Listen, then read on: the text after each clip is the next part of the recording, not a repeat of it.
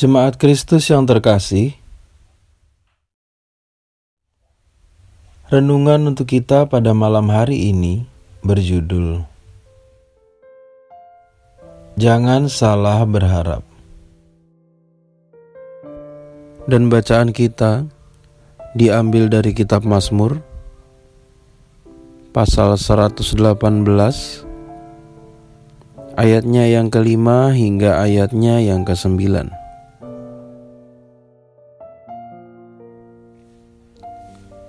Beginilah firman Tuhan.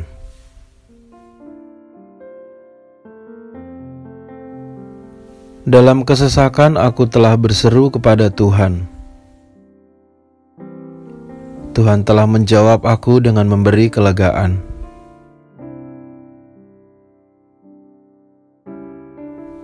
Tuhan di pihakku.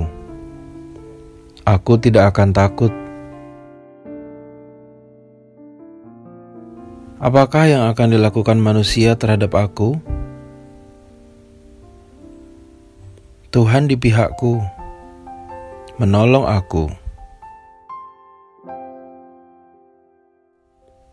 Aku akan memandang rendah mereka yang membenci aku. Lebih baik berlindung pada Tuhan daripada aku percaya kepada manusia.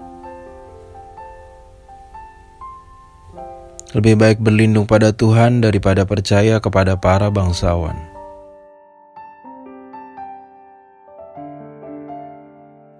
Semua orang pasti pernah kecewa, baik karena angan-angan yang diharapkan ternyata tidak sesuai,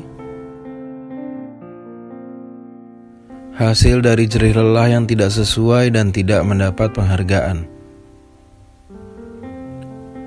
atau pada saat para teman meninggalkan kita, pada saat kita sedang mengalami pergumulan.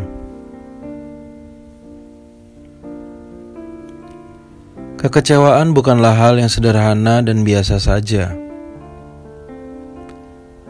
Ada banyak persoalan yang mungkin terjadi karena kekecewaan yang tidak dapat dikelola dengan baik. Kekecewaan dapat merubah seseorang karena sering kali membuat semangat dan kepercayaan hilang. Terlebih, ketika kekecewaan itu datang dari orang terdekat dan yang paling kita percayai. Kalau demikian adanya, bagaimana kita harus merespon? Bukankah kekecewaan dapat mendatangi siapa saja? Apalagi kalau kita salah menaruh kepercayaan kepada orang yang salah.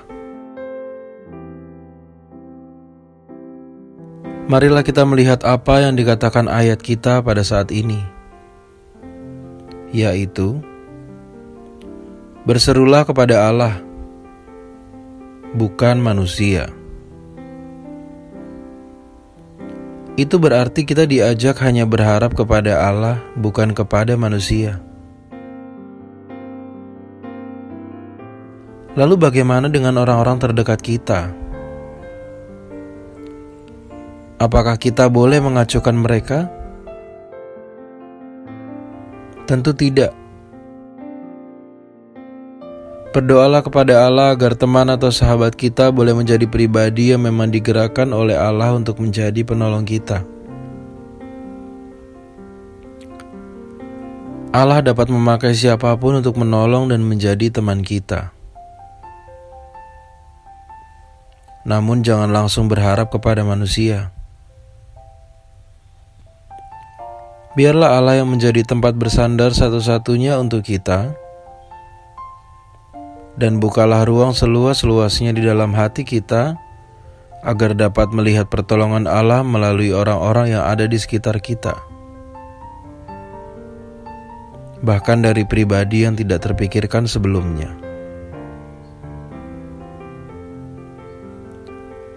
Janjinya adalah pernyataan yang tak pernah berkesudahan.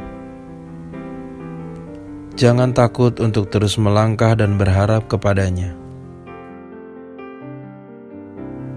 Demikianlah renungan kita pada malam hari ini. Semoga damai sejahtera dari Tuhan Yesus Kristus tetap memenuhi hati dan pikiran kita. Amin.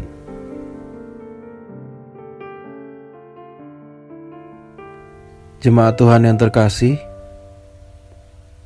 mari kita bersatu hati menaikkan pokok-pokok doa yang ada di dalam gerakan doa 21 GKI Sarua Indah. Mari kita berdoa.